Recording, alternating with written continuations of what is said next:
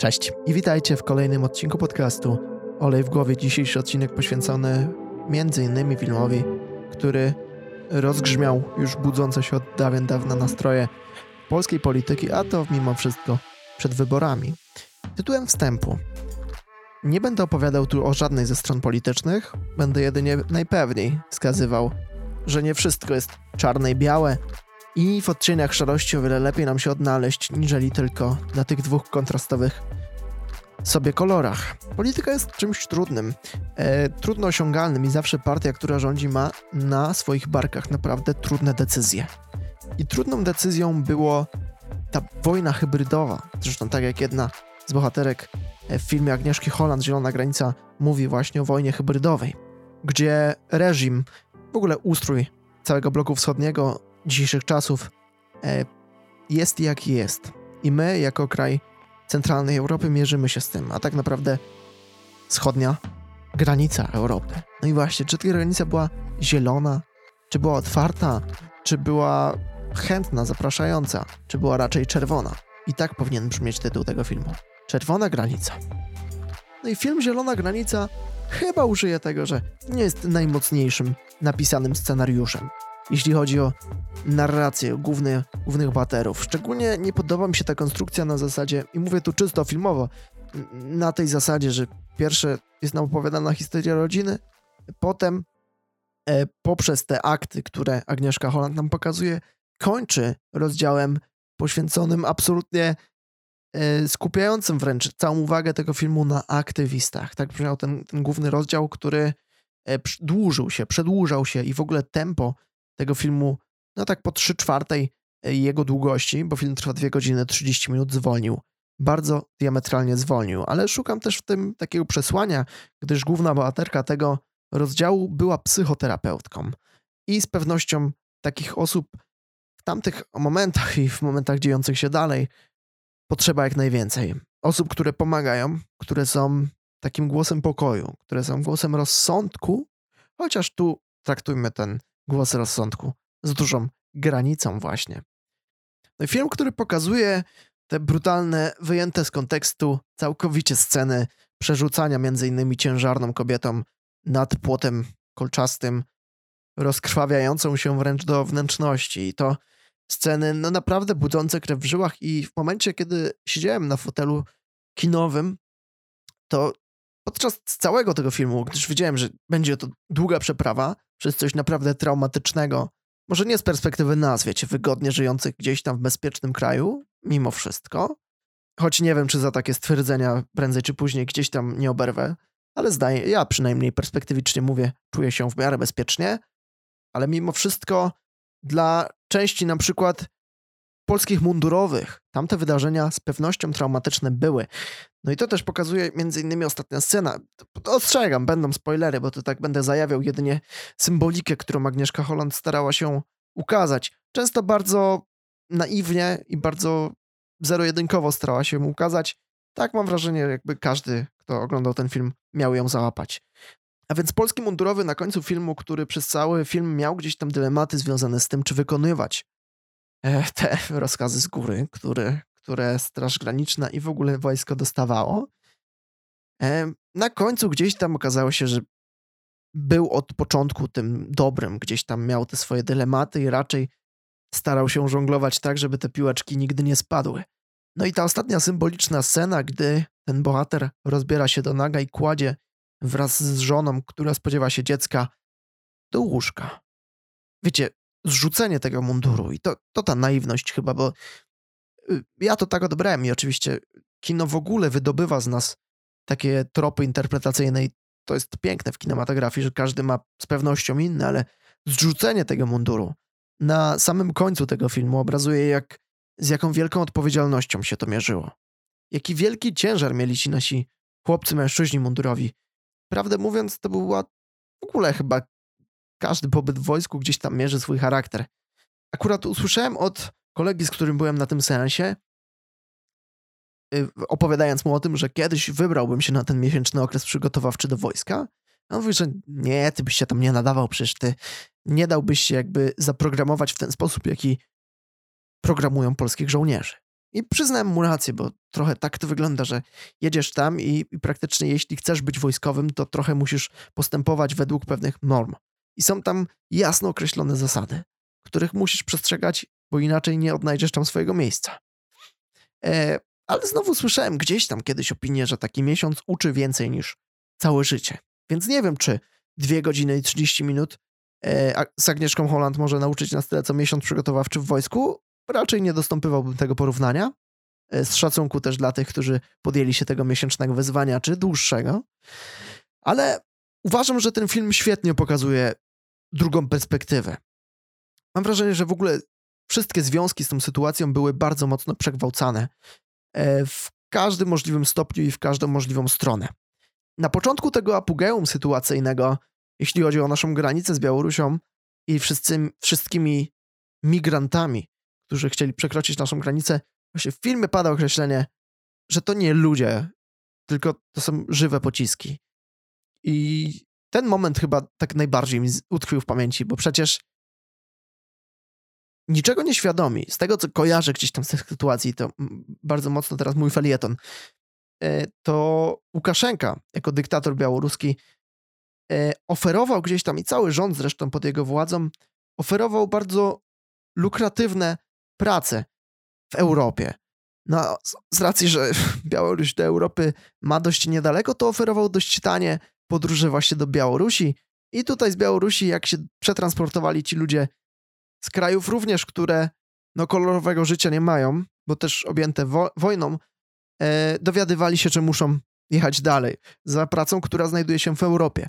A żeby dotrzeć do Unii Europejskiej, należy przekroczyć tę granicę białorusko-polską. No i tak ten przemyt, który tam w ogóle miał miejsce, był dramatyczny.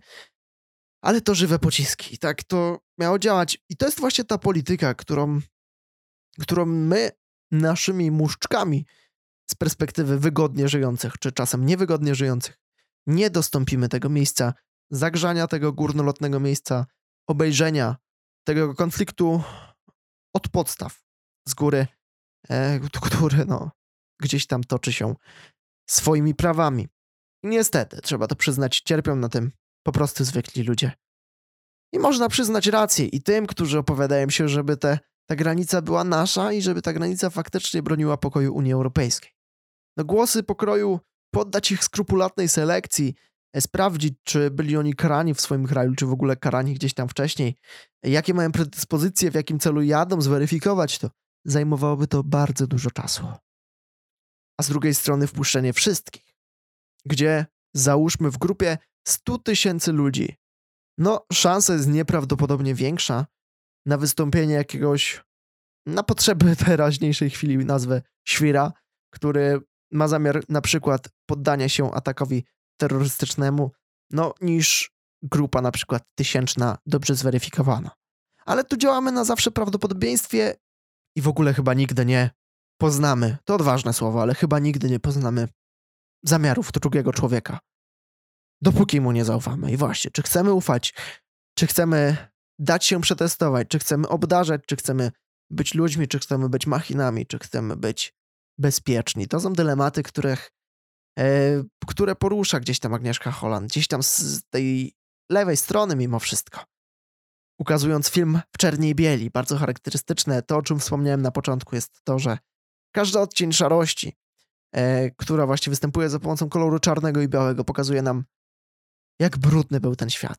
Film zaczyna się kolorowo i mało kto o tym pamięta, aż wtapiają się no te obrzydliwe kolory które nie ukazują krwi, ukazują plamy. Czerwona krew dość mocno rzucałaby się w oczy na takim obrazku, a to też jeden z momentów, które mnie zaskoczyły. E, spodziewałem się oddania strzałów przez mundurowych. Być może liczyłem na jeszcze większą naiwność, niżeli tą, którą zostałem obdarzony. Takie się nie pojawiły, ale po samym seansie właściwie miałem wrażenie, że zobaczyłem w tym momencie polską listę Schindlera i też zatytułuję tak ten odcinek. Historie zgoła inne. Historie ludzi, którzy pomagali, którzy byli chętni pomagać, którzy oddaliby bardzo wiele, żeby pomóc drugiemu człowiekowi. Jednym wychodziło, drugim nie. Bardzo chciałbym wierzyć w to, teraz ze swojej strony przyznam się naiwnie, że tym, którym miało się powieść, to naprawdę się powiodło. Film brutalny, film bardzo dobrze skomponowany, jeśli chodzi o kwestie audio, bo muzyka w tym filmie robi naprawdę dobrą robotę. No, z jednym wyjątkiem tego nieudolnego freestylu, który gdzieś tam łączy e, francuskich, e, francuskie wieści z polskimi wieściami na przykład i wiele, wiele innych, ale tam bardzo dobre przejście z pokazaniem, też bardzo mocnym nakierowaniem. Udajcie się na ten film. Bez względu na to, czy jesteście za tą opcją, czy za tą opcją, czy w ogóle nie jesteście za żadną. Prawdę mówiąc, ten film nikogo nie nawróci. Nikogo nie przekona bardziej. Jedynie każdy udając się na ten seans zobaczy swoją stronę. Zobaczy stronę, którą sam by objął. Ale prawdę mówiąc, chciałbym poddać każdą osobę refleksji, jak on by zrobił, jak on by postąpił. To są trudne pytania i tutaj odpowiedzi nigdy nie ma prawidłowych. To są jedynie dylematy, to są jedynie gdybania. I kolejne pytanie, czy ten film dobrze pokazuje Polskę? Wiadomo, że jeden obóz mówi, że bardzo źle, bo polski mundur został splamiony. A ja bym wystawił inną tezę. Nie wiem, czy te osoby, które właśnie wysyłają taką, taką tezę o brudzeniu munduru e, i o splamieniu tej polskiej chwały, dostrzegają moment, w którym grupa uchodźców mówi do siebie: To Polacy, ale dobrze. Ile chwil było na białoruskiej stronie? I czemu świat tamten był jeszcze bardziej brudniejszy niż po polskiej stronie? Kto w tym konflikcie zdawał się być bardziej pragmatyczny?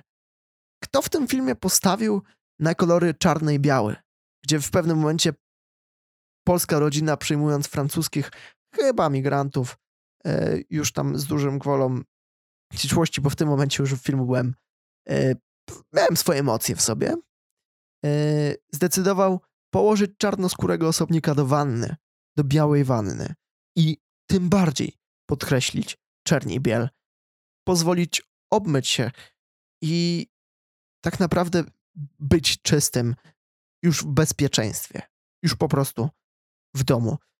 Więc podsumowując, jak dla mnie film ten nie jest arcydziełem polskiej, może światowej kinematografii. Polskiej jest. I jak na polskie standardy film Agnieszki Holland yy, oceniam na piątkę z plusem, film ten ma dużo, e, dużo dynamiki w sobie, zwalnia w pewnym momencie.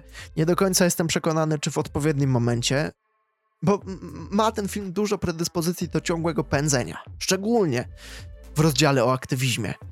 E, tym radykalnym lub mniej widzianym aktywizmie, który, e, który gdzieś tam się również rozgrywał. Dużo hipokryzji, dużo, dużo takiej polskości w tym filmie. Ale prawdę mówiąc, odkryjcie swoją perspektywę wraz z tym seansem. A jeśli jesteście już po, to proszę, podzielcie się, co tam e, was zagrzmiało zaraz po, no i już po czasie, w którym przypomnieliście sobie, co na tej naszej zielonej granicy się dzieje. Także podzielcie się proszę na mailu, na Instagramie, wszędzie tam, gdzie do mnie dotrzecie, a docierajcie w ogóle co tydzień, soboty o godzinie 19 tutaj na podcaście Olej w Głowie regularnie odcinki. Dzięki za przesłuchanie tego nie wydającemu opinii temu filmowi. Jedynie stwierdzającemu, że warto go obejrzeć. Jak każdy film, który budzi w nas emocje, bo taka rola kinematografii. Słyszymy się już za tydzień o godzinie 19 na podcaście Olej. Dziękuję za przesłuchanie i wszystkiego dobrego. Bye.